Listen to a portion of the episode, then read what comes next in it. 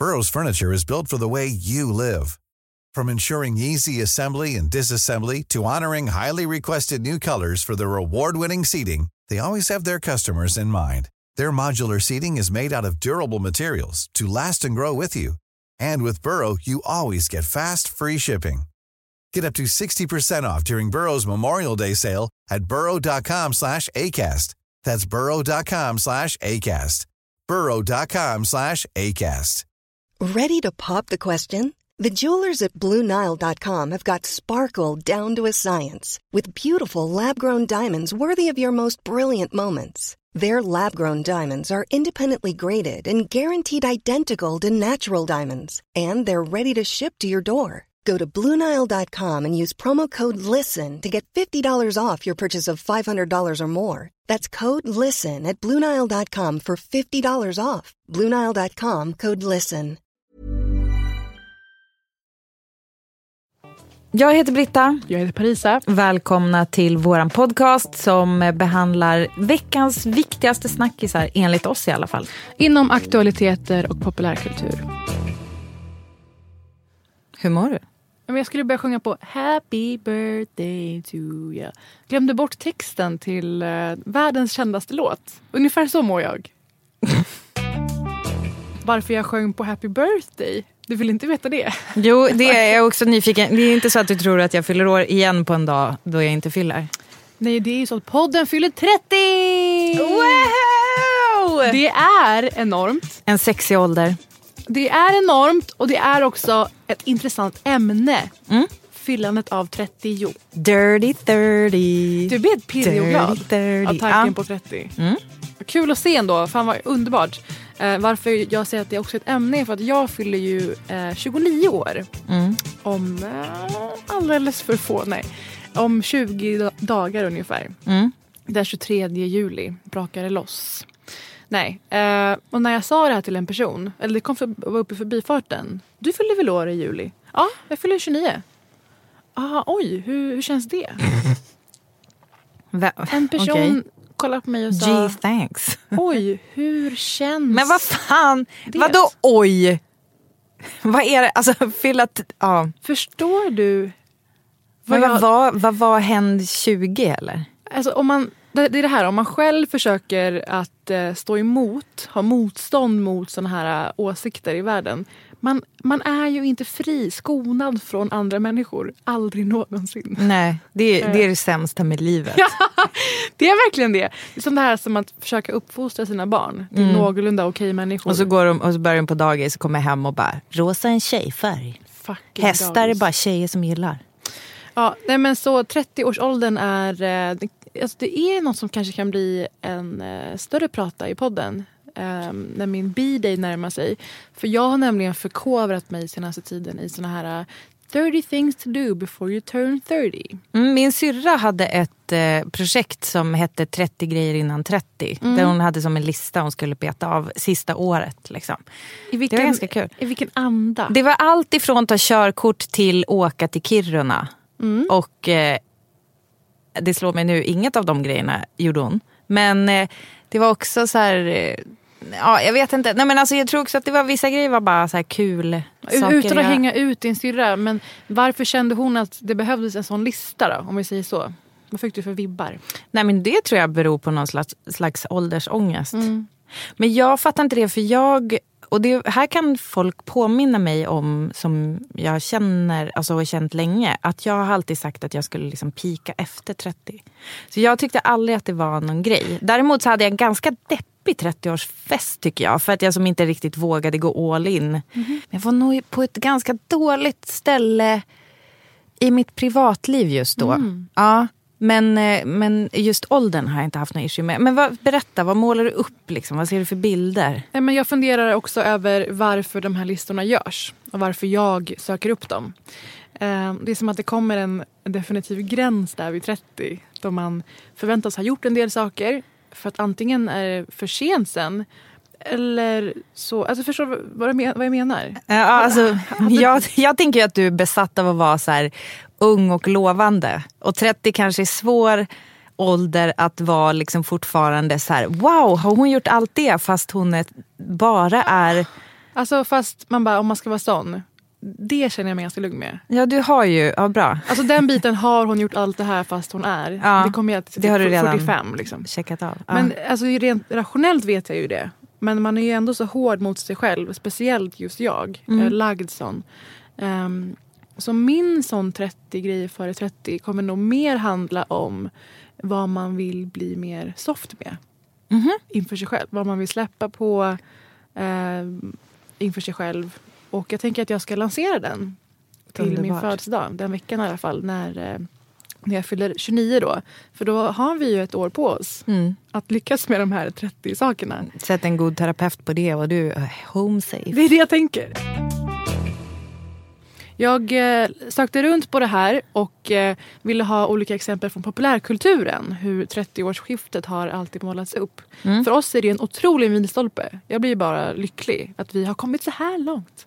Ehm, och eh, ett avsnitt av Vänner kom upp på alla listor och alla texter. Som heter The one where they all turn 30. Du vet ju att jag var väldigt nära till att referera saker till, så här, ja men du vet som när Joey gjorde det där eller lalala. Det här, jag kommer inte ihåg det här avsnittet. Alltså det mesta går att härleda till antingen Vänner eller Seinfeld. Ja. Seinfeld fyllde för övrigt 30 år denna fredag. Vänta, vad menar du? Alltså det första avsnittet av, av Seinfeld. Jaha, okej. Sändes för 30 år sedan. Okej. Blev du rörd? Jag, blev, alltså jag är så pirrig. Det ska, jag ska ha så mysigt med det här i helgen. Ja. Ehm, nej men I Vänner då, eh, The one where they all turn 30. De bor ju alla med sina vänner och sådär för att det, det är så det ser ut i eh, New York. Ehm, och de har ju levt lite i en bubbla, har de ju. Ehm, de bor ändå väldigt fint och stort för Otroligt. på Manhattan. Because of rent control. Mm, Det är väldigt tydligt alltid. Jo men så är det ju för att det var ett system eh, på Manhattan att om du hade liksom samma hyreskontrakt eh, så kunde, du, kunde ingen höja din hyra. Så att vissa, alltså om folk bodde i så här rent control departments då var det något man höll jävligt hårt i i flera, flera generationer. Typ, för att annars kunde, ja, men då kunde man bo i typ en gigantisk lägenhet på Manhattan och betala typ alltså rent en spottstyver. finns ju. Men den sortens stor lägenhet, det är ju Alltså jag tror of. absolut, ja, men, nej, men jag tror absolut att det finns. Men det är i alla fall en av de, de många kritikerna som finns Ja. mot vänner. Och att det har varit två personer genom all, alla avsnitt som har varit en person of color i, på Manhattan. Jajamän. Det är helt absurt. Mm. Och att det dras homofobiska skämt så fort någon kille typ råkar ha en handväska i handen som är hans tjejs. Så är det så här, oh. Mm. Och det konstanta fatshamandet av Monica också. Det, det är otroligt. Det har ju inte åldrats väl. Nej, det har det inte. Och inte heller vad gäller åldersperspektiv. För det här avsnittet då visar när Rachel fyller 30. Mm. Och då får vi se alla andra. Vi får typ eh, flashbacks till när alla andra fyller 30 i samma veva. Så Joey är såhär, nej men jag var lugn med det. Och sen är det flashback. Why, God, why? We had a deal. Let the others grow old, not me. Och eh, Phoebe, då visade det sig att hon egentligen var ett år äldre än vad hon, vad hon trodde. Happy 30th. Right. Why do you keep saying that? Because it's our 30th birthday. Yeah, no, we're not 30, we're 31. Okay. Wait! Hon var 31. Mm. Sådana typiska karaktärsenliga händelser. Och för Rachel, det är väldigt talande hur de tacklade det med henne. Hon är, ju, hon är ju ihop med sin väldigt unga kille här, eh, Tad. Tad. Tag. Tag, om du minns. Ja, Eh, älskar inte men ja. Och han har ju försökt på, vara på alla vänner om att så här, snälla ge inte henne någonting som hånar hennes ålder eller sådär. Chandler missar ju såklart det här snacket. Han ger ju henne ett kort och det går så här. Happy birthday, Grandma! It's better to be over the hill than buried under it. Och sen då vad de faktiskt säger om att fylla 30. Vad de menar att det här innebär för en ung kvinna framför allt. Eh, har inte åldrats väl. Men om vi ska vara helt ärliga mot oss själva så är ju det här fortfarande mycket hur folk och man själv tänker. I just think I'm past the point where I can, you know, just have fun. Rachel, don't do this. This is just because you're turning 30. Yeah, it is. But you're just a kid. I mean, you're you're 25. 24, actually. Oh God. Hon gör alltså slut med sin 24-åriga pojkvän för att hon menar på att jag är 30 nu. Jag kan inte längre göra saker i mitt liv som jag bara gör för att de ger mig njutning och glädje. Inte det det mest deprimerande du har hört. jo. Har du kul Britta, du som är 36, 7? Hur gammal är 37. du? Jag fyllde nyss 37. Så är det. känns ju helt vansinnigt. Men alltså, det låter ju superdeppigt. Men det är ju på något sätt så kan det väl ändå vara, finnas någon sanning i det när det gäller relationer. Mhm. Eh, nu försöker jag mig på, jag gifte mig ju när jag var 28. Va? Tror jag. Var du 28 år 20 gammal? Ja, 28, 29. Ser du min min? Ja, jag Åh nej, förlåt! Fan, Nej, men det nu gav jag dig ännu nej, en. nej, nej, nej, det där var mormon level för mig. Ja, okej. Alltså jag är inte sån. Jag reagerar på det med ren och pur va? Avsky. Har du fött 12 barn i din källare? är det det du säger till mig? Det är exakt det jag säger till dig. Men alltså Nej, Britta, jag var ju 21 då när jag var på ditt bröllop. Ja. Varför tillät du mig där bland massa vuxna? Nej men gud, vi ska inte fastna i det. Nej. Men det hade inte jag förstått. Att du var så pass ung.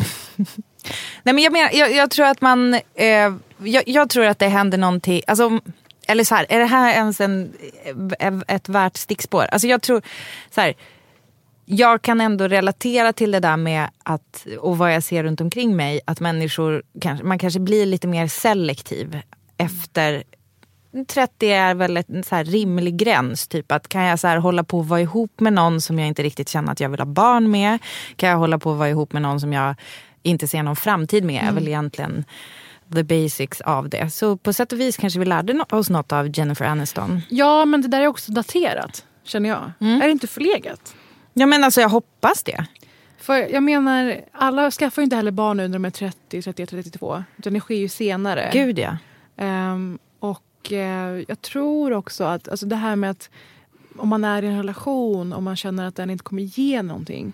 Då är det också någonting för att man kanske inte värdesätter den relationen så mycket. Mm.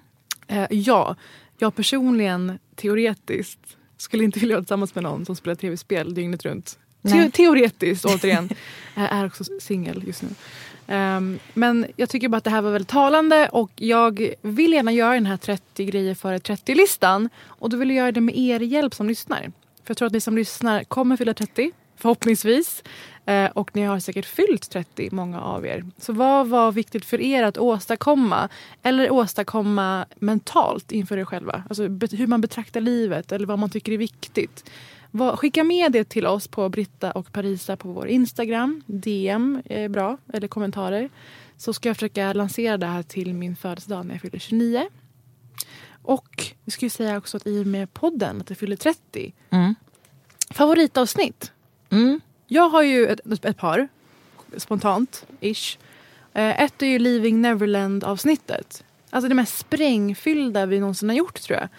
I samma avsnitt så berättar jag om eh, min uppväxt med en eh, tränare som eh, ja, men mer eller mindre förgrep sig på mig. Och eh, kopplar det till Leaving Neverland-dokumentären. Det var en del Doggy Doggelito där i. Det var det. vid första ögonkastet. Mm. Skavlan på det. Ja, Jag skulle säga också mitt favoritavsnitt. Mycket bra snack i det. Ska vi Mm. inte säga att ni får revisa det, ni som inte har hört det. I och med att vi, vi fyller 30 år Mm. och, får, och får önska oss vad vi vill.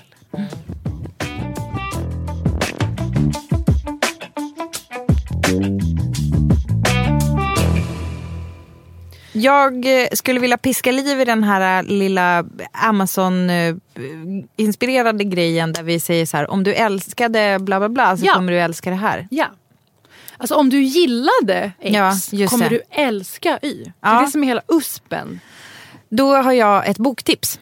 Älskar. Vi tycker väldigt mycket om när ni hör av er och berättar vad ni läser. Alltså på våra rekommendationer. Vi vill inte ha något annat. Nej jag skojar. Jag vill jättegärna veta vad ni läser. Om ni har något tips utifrån vad jag ger för tips. Om ni har tips tillbaka.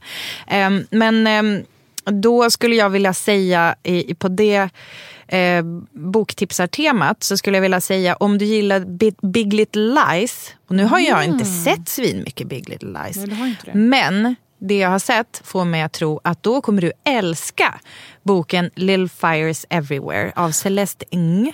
Som jag har nämnt lite grann tidigare. Nu har jag läst ut den och kände så här. Känner typ samma känsla som Skulle- när jag sett fråga Big Little Lies. hur det gick med den. Big Little Lies är ju en australiensisk bok från början har jag för mig. Ja, men du Så det är ser. inte helt off. Oj, vänta. Då kanske jag borde ha sagt om du gillar tv-serien Big Little Lies så Amen. kommer du älska boken. Nej, men Mm. alltså Little Fires Everywhere, den är... Den är liksom... Eh, alltså jag ska inte säga att jag nödvändigtvis älskade den. Och det som drog ner det var just den där liksom känslan av att det är lite såpopera-grej. Och det tror jag är... Li, alltså det behöver inte vara liksom illa ment. Jag tror att det är det som är härligt med Big Little Lies. Att det, är som lite så här, det är lite geggigt, det är mycket så här, eh, relationer, mycket så här, alltså det är Men typ, det är intriger och skvaller på sko skolgården. Exakt. Ja. exakt. Och det är det väldigt mycket här. Och det är i princip är det, ehm, alltså man kan säga att plotten kretsar kring en um, välbeställd familj eh, i ett så suburban USA. Liksom. Eh, det börjar med att deras hus brinner. Eh, och morsan som är en perfektionist ut i fingerspetsarna, alltid varit duktig tjej, gjort som man ska. Eh, skaffat fyra barn som hon försöker uppfostra också till lika perfekta kopior av sig själv. typ. Eh, står och tittar på liksom, att hennes fina fina hus brinner. Eh, och denna familj då kopplas ihop, eller de, eh, det finns liksom då en lite sämre familj med en ensamstående mamma och hennes dotter. Och denna ensamstående kvinna är konstnär och gör kanske sådana saker som eh, den här perfekta eh, Stepford Wife-mamman. Stepford Wife, exakt. Mamman eh, kanske aldrig tillåtit sig själv att göra. Vad kan det vara? Onanera in public. Alltså, I, I wish. För det är på min lista, 30 grejer före 30. Perfekt. Skojar, den är gjord för länge sedan. Skoja, det är saker du redan har bockat av. Jaha! Men det var... Ja, men till exempel att så bara utforska en lite flummig dröm. Eh, att eh, liksom raise hell där det behövs. Eller, alltså du vet, det är mer så här typ Leva ut. leva ut versus hålla allt inne och göra det som förväntas av en. Den är ett väldigt smaskigt read. Vad säger man? Den är liksom, det är en sån där som man är perfekt på stranden och typ sluka. Och eh, ja, läser ni den då kan ni ju hashtagga BP bokklubb. Det vill vi att ni gör. Så, där, vi där ska vi hänga. koll på er. Vi ska hänga där hela sommaren. Mitt liv just nu går mest ut på att läsa. Och jag läser på alla sorters eh, ytor, plattformar. Mm. Eh, Det senaste är att jag lyssnar på Selma Lagerlöfs bok Jerusalem. Uff, tungt. Tung! Och det är för att jag har en klassikersommar! Och det är faktiskt jätteroligt just för att det finns så mycket åsikter redan om de här verken. Och för att man har haft en bild i många, många år av hur det ska bli att läsa dem. Um, Jerusalem är egentligen två volymer som här har bakats ihop till en och läses upp av en otrolig röstskådespelerska. Och eh, jag har lyssnat två timmar av totalt 20. redan. I 20 timmar? Ja, Åh, när jag liksom står och tvätt, eh, sorterar tvätt och sånt. Perfekt, Mm. Det är älskar det. perfekt. Och eh, klassikersommar innebär att jag läser, eh, hittills i år har jag läst varannan klassiker, varannan modern. Okej. Mm. Ehm, jag älskar att ha sådana små projekt för mig själv. Och nu är det alltså bara klassiker, men nu varierar jag varannan svensk, varannan utländsk, ofta då engelskspråkig. Jag kan ju franska också, du vet. Men en, Kommer en- du lyssna på franska om Alltså- det finns? Alltså Madame Bovary.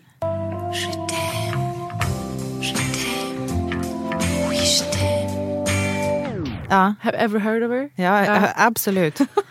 That old snuskummer. Ja.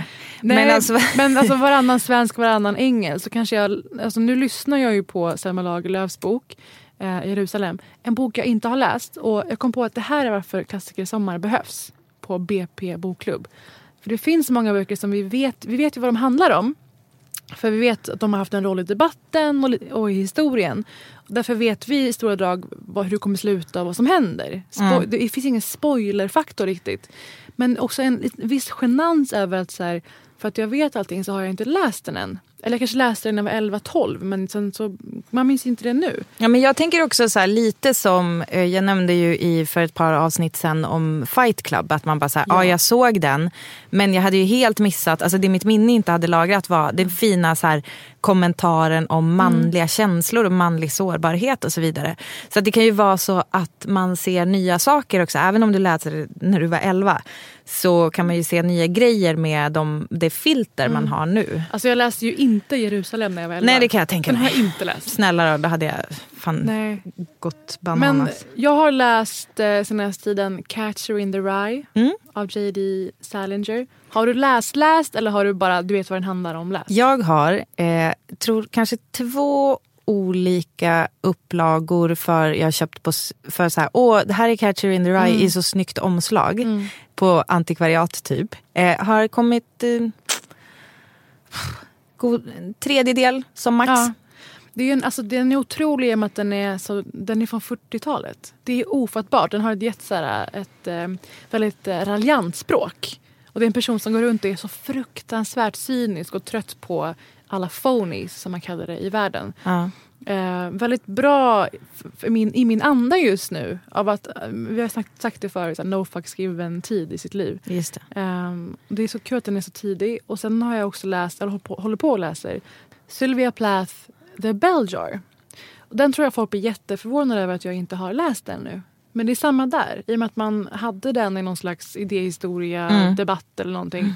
Så har man inte läst i hela verket. Fast jag är, jag, där är jag också typ, där tror jag jag kommer mig längre genom bok. Men alltså fortfarande så här, Mm. återge vad den handlar om. Nej, så varannan, eh, jag kör varannan svensk, varannan engelsk och varannan kvinnlig, varannan manlig. Eh, och så läser jag Kerstin Thorvalls Det mest förbjudna. Även den en superchock att jag inte har läst. Så vare sig ni hoppar på mitt tåg och kör klassiker sommar och vi kan dela erfarenheter om de här böckerna och fler tillsammans. Eller om ni läser alla, alla, alla våra tidigare tips. Det kommer komma fler by the way hela sommaren. Så finns det allt på eh, BP Bokklubb. Mm. Där ni själva alltså lägger upp och tipsar vidare och kanske betygsätter, vem vet. Jag tycker vi ska hänga där. Svinkul med klassiker sommar. Jag kommer att eh, fortsätta läsa Virginia Woolf, A Room of One's Own. Mm. Som jag inte har läst. Alltså det är så kul med den typen av grej. Att du, du, nu kör vi, du kör vi klassikertema. Det är Mm. jätteroligt. Pepp. Älskar projekt.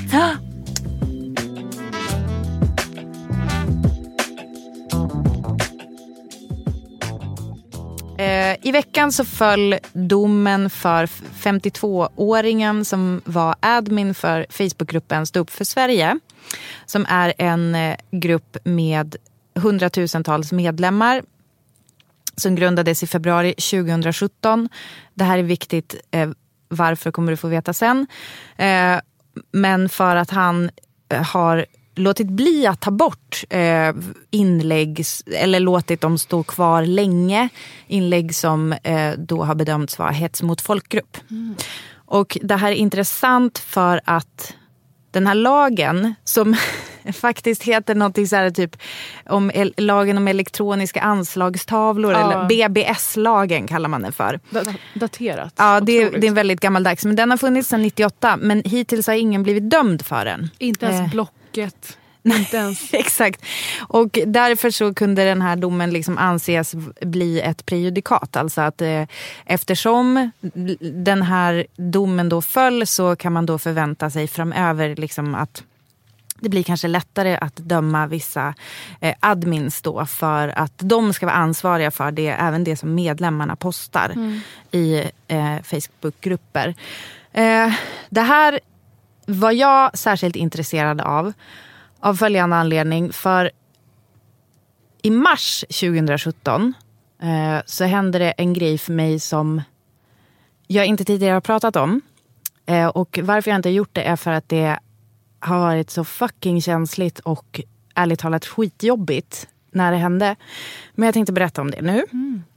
Eh, för det knyter an lite grann till det där som jag pratade om att rasism liksom serveras inte i, med liksom en tydlig flagga i, i en tårta utan att det är eh, små munsbitar här och där. Eh, och det som hände för mig i mars 2017 var att jag åkte Vasaloppet. Och i samband med att jag åkte Vasaloppet så gjorde Yvette Hermunstad som är, var programledare för hela sändningen på SVT. Jag åkte Vasaloppet och sände live hela tiden. Eh, och innan jag skulle åka iväg så gjorde hon en liten snabb intervju då jag konstaterade att det fanns väldigt många vita män eh, på det här eventet. På, Och- på frågan vilka är det som är ute och åker? Nej, det var det inte. Utan det var... Vi kan lyssna på klippet. Det lät så här.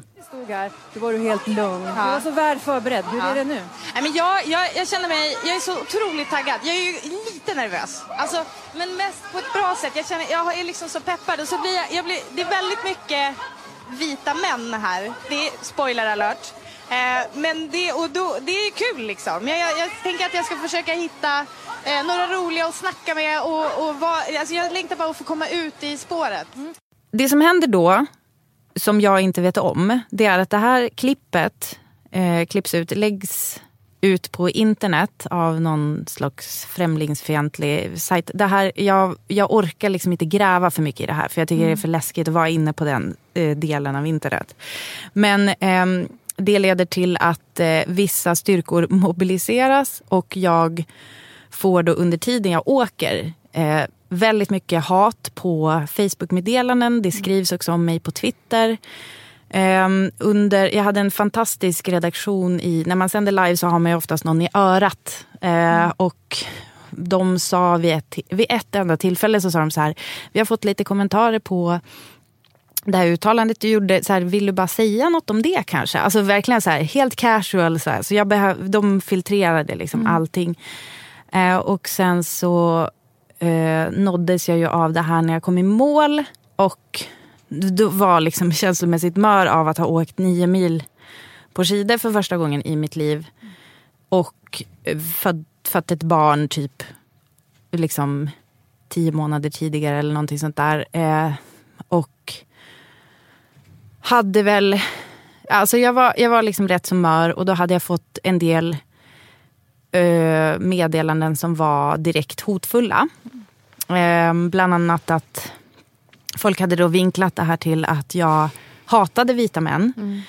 Och eh, vita män erbjöd sig att komma över hem till mig så att jag personligen kunde be om ursäkt. Och det var väldigt många vita kvinnor som skrev till mig att jag borde vara stolt över våra vita män och flytta till Afrika då, om du tycker... Alltså det var verkligen så här, nivån var både hotfull, bindgalen, eh, mörk som fan och det var ett väldigt så här, läskigt lager av Sverige jag fick se. Som man kommer i kontakt ytterst sällan och som man kanske får i små portioner innan. Man, man bara ser och, och liksom, då tänker man att men så här illa kan det inte vara. Det här kanske bara är en lone wolf som man brukar tänka. Exakt. Men du fick se systematiska Jag fick det också. se också hur de betedde sig när de gick ihop. Mm. och gjorde För att som jag har fattat att det funkar också är ju att det oftast blir ett drev. Alltså det, det där klippet på mig spreds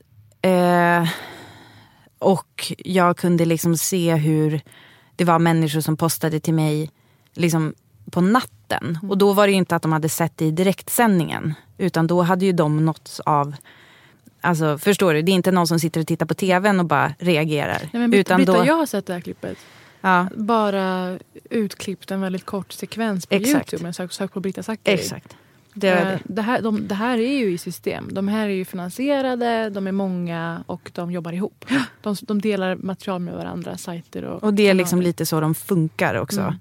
Ehm, det gör också att eh, om man läser på lite grann Eh, alltså att det blir, liksom en o, det blir liksom en dålig balans. Alltså man ser hur många gånger en artikel har delats. Eftersom de är så bra på att mobilisera sig så blir det ju oftast liksom väldigt mycket klick. Det här kanske är typ veck, veckans brunklipp. Eh, kan, ur arkivet. Ja, men det här är lite veckans brunklick. Alltså, vi pratat om veckans brunklick här i ett par veckor. Om att eh, det är någonting som eh, även etablerade sajter ägnar sig åt eller gör. Att försöka få in de här eh, intressena, intresserade grupperna, vare sig det är högerextrema eller högerextrem curious, vilket är allt fler. Att gå in på eh, sajter och dela länkar och bli upprörda av någon trivial lokal nyhet någonstans. Men delar det jättemånga gånger för att de tycker att det går in i deras bild av Sverige. Precis. Då ägnar sig den sajten, vare sig det är SVT eller DN, åt brunklick. Eh, att alltså, bidra till en väldigt förenklad verklighetsbild. Och det här är ju intressant i den kontexten för det här visar ju på den styrkan som finns. Mm. Och tyvärr så var det även så då att när jag hade åkt klart, det här var på en söndag. Det är alltid första söndagen i mars. Eh, och eh, kom hem, eh, det kanske inte alls är, jag minns inte. Men eh, eh, på måndagen hade jag då fått en säkerhetsvakt från SVT som satt utanför mitt hus. För det var ju också, alltså att ha hade det bara varit jag och Kalle fine men eftersom jag också har, hade liksom, har barn och det kändes bara läskigt att flera hade erbjudit sig, alltså hade kollat upp min adress och liksom, Mm. jag ser att vi bor väldigt nära varandra. Mm. Typ så, punkt, punkt, punkt. Erbjöd Eh. sig kanalen det? Mm. Att göra det? De var, jätte, de var fantastiska. Mm. Eh, det finns en väldigt eh, underbar person på säkerhetsavdelningen som, eller fanns. Som jag också har dealat en del med. Ja, du har det. I mina dagar. Ja. Eh, beklagar, by the way. Mm. Eh, men då fick jag i alla fall en säkerhetsmänniska som satt utanför dygnet runt. Eh, vilket jag och Kalle för övrigt inte kunde hantera. Bara gick ut och frågade hela tiden. Vad vill du ha en bok att läsa? en lite snacks. här. Men hur som helst så eh, då var det så bra. För att jag hade precis träffat en ny terapeut. Och eh, alltså typ gått till henne så här ett par gånger. Men jag hade liksom redan inbokat ett samtal på tisdagen. Så att det var så här, all, de erbjöd ju, kanalen erbjöd ju då, vill, behöver du prata med någon? Och jag bara, nej det är så himla bra för att jag har faktiskt ett så här, eh, besök hos min terapeut på tisdag. Alla bara, gud vad bra. Så när jag kommer dit, ehm, och det är här, det är här som, som är grejen. Eh, när jag kommer dit så, jag märker direkt liksom att det är något med henne. Alltså, och den här terapeuten, en äldre kvinna eller så medelålders, kanske på väg mot 60 eller precis just där. Eh, liksom lite kärv karaktär. Och det förstod jag också. Hade som- ni träffats alls innan? vi, två gånger innan. Ja. Och jag hade fått det på rekommendation av en kompis. Eh, och det sades om den här kvinnan att hennes styrka var liksom lite så här just, eller är att hon är som lite kärv. Lite så här bestämd och så. Eh, men hon verkade liksom, jag vet inte vad jag ska säga, men hon verkade liksom lite så här igång redan när jag kom. Eh, och jag, när jag sätter mig ner och hon så här, ah, okej vad vill du prata om idag?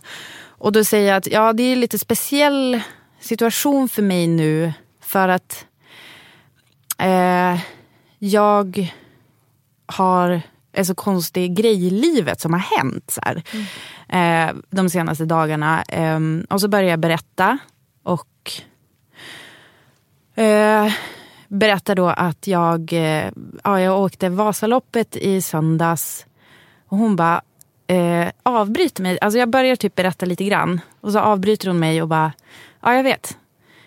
Och jag bara, eh, jaha? Typ hon bara, ja jag såg klippet på Youtube. Eh, och då inser jag direkt att hon har inte sett, hon satt inte och såg livesändningen. Vilket betyder att hon är en av miljoner svenskar som, som bara sitter och tittar på livesändningen. Utan hon hade sett det på Youtube. Och varför har hon då sett det på Youtube? Eh, jo, för det delades i en Facebookgrupp jag är med i. Stå upp för Spre- Peter Springare heter den. Säger hon det till dig? Ja, Och hon säger det lite stolt? ja Eller- jätte, Ah. hon säger det med en fas. Hon proklamerar att hon är med i Facebookgruppen Stå upp för Peter Springare. Ja. Och det är då för er som ja. inte kan historien, då är det det att de- den fick sen byta namn till Stå upp för Sverige för att Peter Springare själv som var en polis som gjorde delade en rasistisk artikel kan man säga, eller han skrev något på Facebook men han tog själv avstånd från den här gruppen sen nämligen. Men under den tiden som det här var, den grundades då i februari 2017, det här händer i mars, mars 2017. Och det är alltså hu- hundratusentals människor som tycker att Sverige har gått åt skogen. Typ. Som då eh, får ta del av det här klippet med mig. Och däribland terapeuten som jag går till för att bearbeta detta trauma. Som du i två, två tillfällen redan har eh, anförtrott dig åt. Absolut. Alltså det ja. Så att hon sitter inte bara... Alltså jag vill bara redan här pausa och säga det, moral, alltså det liksom etiskt problem- problematiska i det här. För att inte bara så har jag då liksom redan anförtrott mig åt henne utan hon har också berättat att hon liksom har på något sätt tagit del av en kritisk eh, bild av mig, eh, min person. Liksom. Eh, Jag tror, jag tror alltså du vet, jag har haft en del terapeuter de, alltså, de är ju till och med noga med att inte hälsa på stan om man inte själv hälsar först. För att så här, jag vill att du ska få vara en egen person typ ute i det offentliga eller vad man ska säga. Nej, jag var hos en läkare idag som frågade vad jag jobbade med. Mm. Men med lite med leende så här, och ett, en ryck på axlarna. Som Ja. att, här, jag vet ju det. Men, Precis. och jag var så här, ja eh, men du, verkar ju Ja. så... Så skrev han ner liksom, själv utan Ja. att jag svarade någonting. Så det där är ju lite av en dans. Men det är en viktig dans. Man ska, man ska känna sig som att man kan slappna av och inte vara sin yrkesroll. Och när hon berättar det här så är det, hon vill att jag ska veta. Och det roliga är att vid tillfället så vet inte jag. Vad, vad är det för Facebookgrupp? Oj. För jag visste, jag hade inte hört du, om du den. fryser inte till inombords? Nej. du. Men hon, jag märker att hon är stolt över det och hon vill att jag ska veta det. Hon vill ärligt talat trycka dit mig med det. Eh, och då så, eh, ibland är det lite av en blessing att vara naiv. Alltså för att då är det som att jag bara, "Jaha, vad är det för grupp? Och då får, måste hon förklara det. Alltså förstår du, för henne hade det varit mycket mer kraftfullt. Att det hade fått bli som det blir mellan dig och mig nu när jag berättar det. Att du bara, oh jävlar, typ. Och alla som jag berättade det här för sen, vilket jag fick göra några gånger för att bearbeta. Direkt när jag sa det, jag bara, oh fuck. Så här. Men jag visste inte, så hon tvingas förklara. Eh, och det gör ju att hon liksom, eh, musten går ur henne lite grann. Eller det där hon har liksom suttit och byggt upp och ska berätta för mig typ. Eh, då måste hon berätta vad, vad är det för Facebookgrupp då? Och så sen så, hur det nu är, så fortsätter jag berätta. Eller jag, eventuellt så, jag minns inte exakt men det blir som att jag säger till henne så här fast nu känns det ju som att du har ju tagit del av det här från en källa som är kritisk till mitt uttalande. Det förstod du? Av Ja, alltså beskrev. när hon beskrev, när hon Men vad, att vad beskrev hon det som? Alltså man är nyfiken på hur hon framställde det. För jag tror att de själva ser det som att nej, det är en intressegrupp. Ja, hon, hon sa så här att det är en grupp eh, för att stötta politen, polisens Peter Springare som säger hur det är med invandringen i Sverige. Ja, det var det hon sa. Ja. Hon körde på den. En, som äntligen säger hur det är, eller Mm. någonting sånt där.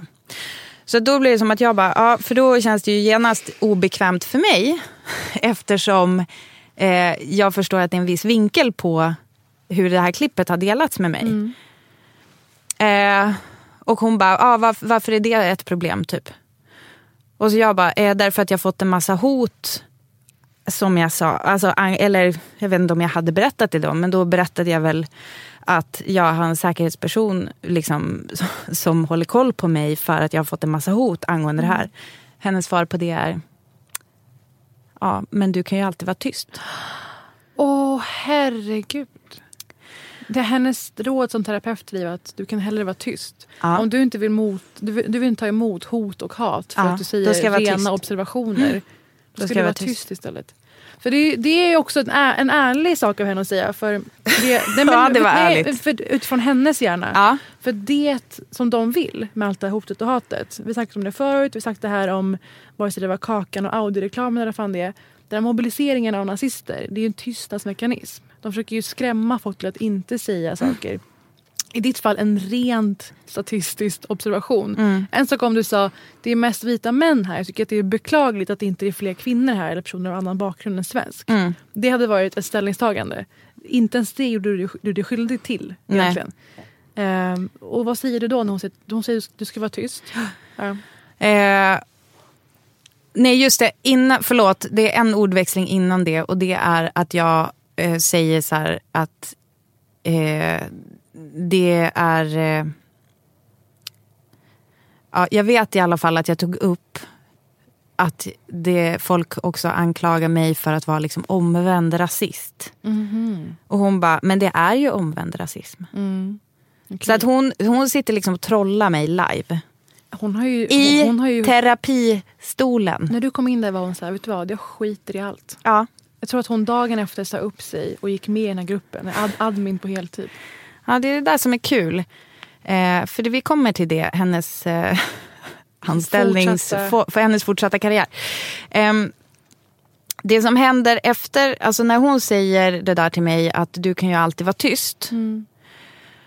Då känner jag att här har jag ingen väg ut. Nej. Mer än att vara helt eh, öppen och ärlig. Eh, och det enda trick som jag har lärt mig i livet när man känner att man blir orättvist behandlad eller liksom på något sätt nedtryckt i en situation med vårdpersonal. Eh, det enda som funkar, det är att vädja till deras yrkesstolthet. Så det som händer då är att jag säger till henne att jag beskriver exakt hur obehaglig situationen är för mig. Jag beskriver hur hotad jag känner mig från eh, allt runt omkring. Och så kommer jag till henne. Jag vet att jag sa rakt ut, det här ska vara en trygg plats. Eh, och det är väl typ där jag börjar gråta. Och säger att hon går på mig i den situationen med samma retorik som de hot jag har fått. Det är inte så en terapeut ska bete sig. Alltså jag, jag berättar för henne att ehm, Och du säger inte det här i hopp om att omvända heller eller, eller kunna fortsätta med dagens Nej. sektion. utan Du säger det här bara som Nej, nej, ett nej. rent så här, Det- det är så här- obehag det här väckte i Det här väcker, så här, jag, bara, jag känner starkt obehag. Det enda jag ville gå härifrån. Mm. För att jag känner mig så fruktansvärt otrygg här. Jag känner som att jag blir liksom återtraumatiserad. Mm. Och då eh, så... Jag minns inte, för att det här är också som ett problem med att vara den som jag är och som jag tror att många med mig kan, kanske kan relatera till. Att man till varje pris typ försöker få en situation att funka. För jag skulle precis säga det, om det här hade hänt mig. Om det här hade hänt mig. Jag hade inte varit kvar i det rummet längre. Nej. Jag hade för, Jag länge, förstår. för länge Ja. sedan så här, alltså jag hade kanske börjat spela in vad hon sa mitt i. För Ja. att jag bara, jag ska sätta dit henne. Det är det enda jag bryr mig om. Ja. Och jag tänker inte utsätta mig själv för det här måendet. Nej. Du är ju mycket mer mån om, ehm, ja, men om att, Att få om situationen. Ja. Om situationen. Ja. Och det är ju något som drabbar dig ofta men som ofta är väldigt man bara, fint. Och bra, Ja, men det är ju, beteende. ja, men på sistone så har jag väl insett liksom hur jävla skadligt det är för en själv. Ja, men det är ju lite som att jag tar ansvar för den som beter sig Mm. illa mot mig. Att jag ser till att så här, situationen kan fortgå Mm. mycket längre än till exempel för dig. Så att jag beundrar ju att du skulle ha gått ut därifrån för länge, länge sedan. Eh, jag satt tyvärr kvar och försökte typ resonera med henne. Liksom. Men, och då också vädja till hennes yrkesstolthet. Men eh, med facit i hand så tror jag att det här på något sätt var mer kraftfullt eller vad man ska säga för hennes del. För att hon, när jag sa så här, du är min terapeut. Du har liksom vissa uppförandekoder. Jag känner mig inte trygg här. Jag känner mig attackerad av terapeuten.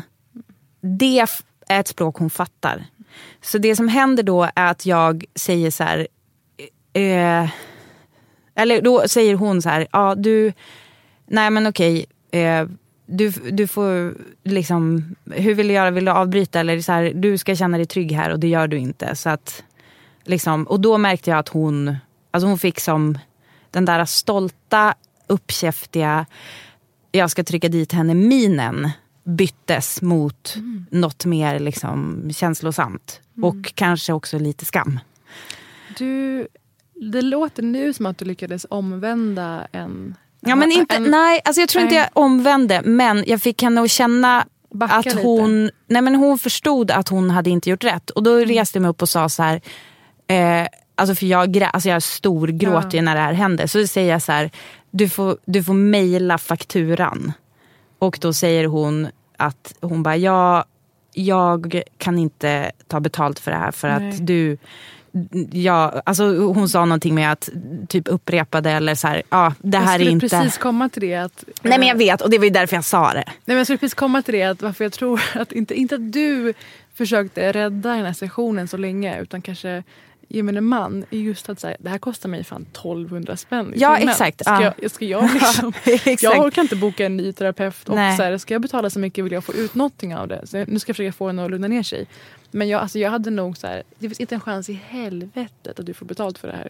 Nej precis. det är, du är så bra som inte går in på alla etiska, moraliska fel i att hon liksom, hon attackerar det absolut, men att hon vädrar den här sortens eh, åsikter, alltså värderingar och ideologi inför dig när hon ska Mm. vara en vårdgivare Mm. i Sverige. Mm. De måste ju agera under mänskliga rättigheter. Ja, det är det som är intressant. Mm. För när jag då hade gått ut från hennes ehm, rum, eh, samtalsrum som jag också tror är en del av hennes lägenhet. För det här är då alltså en privat terapeut, inte psykolog. Alltså Nej. inte anslutning till Socialstyrelsen. Och min brorsa är psykolog. Pratade med honom och han berättade att det finns tyvärr ingenting man kan göra. Finns ingen patientsäkerhet när du går till bara en terapeut. Det är jättebra att veta för folk som... Jag visste, Det inte, det. Jag Nej. visste inte skillnaden tills för väldigt nyligen. Så det är faktiskt väldigt bra Terapeut är ingen skyddad titel. Mm. Eh, så att det här, är, det här är både en berättelse om var rasism kan dyka upp. Det är också en varning eh, för alla er som söker den här typen av vård. Så det finns ju absolut, man kan ha... Alltså jag, jag går hos en annan terapeut nu som är underbar, som jag älskar och som inte är psykolog per se. Men det kan vara bra att veta att har man inte alltså den legitimationen så kan man inte heller anmäla på samma sätt. Jag hade kanske kunnat göra, lyckades min brorsa leta reda på, att kanske anmäla henne eh, med hänvisning till kvacksalverilagen. den Kalle. På tal om, först var det elektronisk anslagstavla. Exakt, blev det- BVS. Ja, nu blev det kvacksalveri. Eh, så att, det, men det är jättesnårigt. Eh, och eh, den här personen har, alltså hennes eh, eh, mottagning och tror jag också bostad ligger liksom på fucking Karlaplan i Stockholm. Det är en fin adress. Det är en eh, person som jag har förstått eh, behandlar till exempel, eller många så här typ reklamare går i terapi hos den här människan. Eh, jag vill inte bli anmäld för typ förtal eller någonting sånt där. Så jag tänker inte säga vad hon heter men den som vill veta får jättegärna höra av Mm, sig så så kommer jag vi. säga det. Men det här är intressant. Det här är ju framtidens problem. Att vi kommer behöva göra så här valundersökning, valu, på våra vårdgivare. Ja. Det är ju allt fler som får, vet, som får eller det är flera rapporter, larmas snarare, om att allt ifrån sjuksköterskor till människor på apotek som jobbar på apoteken får höra av folk så här, bort med dina smutsiga blattehänder från mig. Åh, jag, finns det någon fan. svensk här som kan ge, hjälpa mig? Finns det någon svensk här som kan skriva ut recept till mig? Så det här är ju, det här är ju bara början. Det här är ju sorgligt men det är bara början. Mm. Och att du blev attackerad i ditt mest sårbara, din mest sårbara Ja. stund säger också någonting om hur, förlåt, vedervärdiga de, de här människorna är. Och att hon hade laddat Mm. inför mötet. För det går inte ihop om man har en, en, en traditionell rationell hjärna. Tänker man att men om man har en vilja i livet att hjälpa andra människor. Hur kan man kombinera det med att gå och bära på bruna åsikter? Eh, det, det går. Mm. History shows. Men om man är, alltså, men jag vill återigen liksom understryka värdet av att gå hos en legitimerad psykolog. För att då finns det ju också liksom vissa förhållningsregler. Alltså till exempel det här med att låta din eh, patient få ha sin anonymitet. Alltså det, till exempel att inte dina egna åsikter har någon plats i mottagningsrummet. Liksom. Alltså det, finns, det finns en lång, lång, lång checklista eh, som inte var närvarande i det här fallet. Och det var fruktansvärt obehagligt att vara med om. Eh, det, var, det var en vidrig vecka i mitt liv.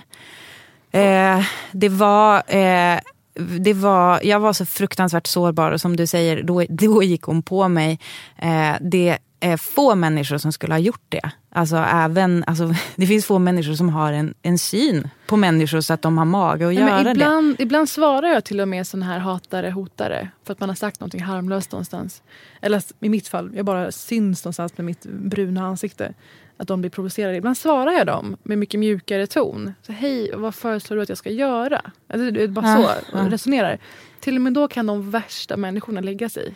Du vet, det Ja. är ju ganska vanligt. Ja. Ehm, hon gjorde inte det. Jag tycker det här var alltså, väldigt talande för... ehm, jag tror att det var Ebba Busch Thor som kallade indirekt dig och mig för tangentbordskrigare. Okej. För att vi hade gått ut och... Alltså, om Lars Adaktusson som nu också är avsatt Ja. av henne själv. ja, exakt. Så, så mycket för det. Men eh, det här är ju de verkliga tangentbordskrigarna. Absolut. Och det är så nytt, nytt, bra att veta om att de är också högutbildade, de är också vårdgivare och de finns i alla våra liv. Allas våra liv. Och jag, tycker, jag välkomnar verkligen den här domen. Det blev ju dock alltså, typ villkorligt. Det var inte fängelse som Mm. det aviserades för. Eh, men eh, jag tycker att det är bra att man faktiskt alltså får vara ansvarig även för vad som händer typ on Mm. your watch på din Facebook-sida. Och jag tycker att alla ska fortsätta att anmäla. För det är ju tack vare, alltså Ja. när man ser den här typen av retorik. För det är ju anmälningar som faktiskt Mm. har lett till det här. Och akta er för en viss psykolog, som, eh, förlåt, terapeut Terra. som jag kan tipsa namnet om i DM.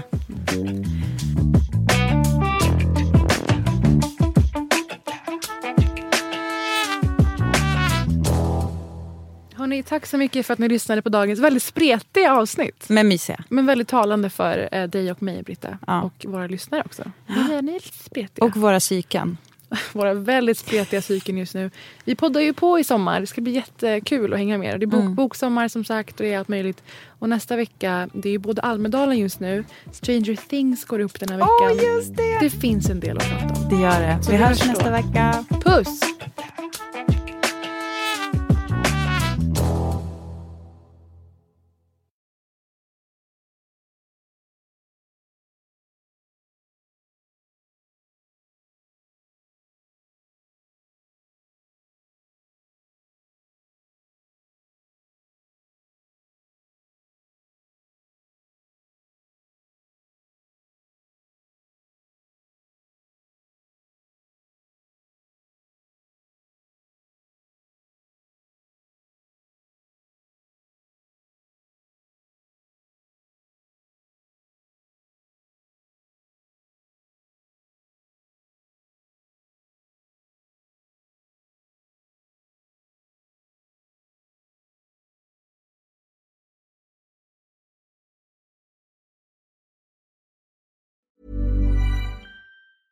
Hey, it's Paige DeSorbo from Giggly Squad. High quality fashion without the price tag. Say hello to Quince.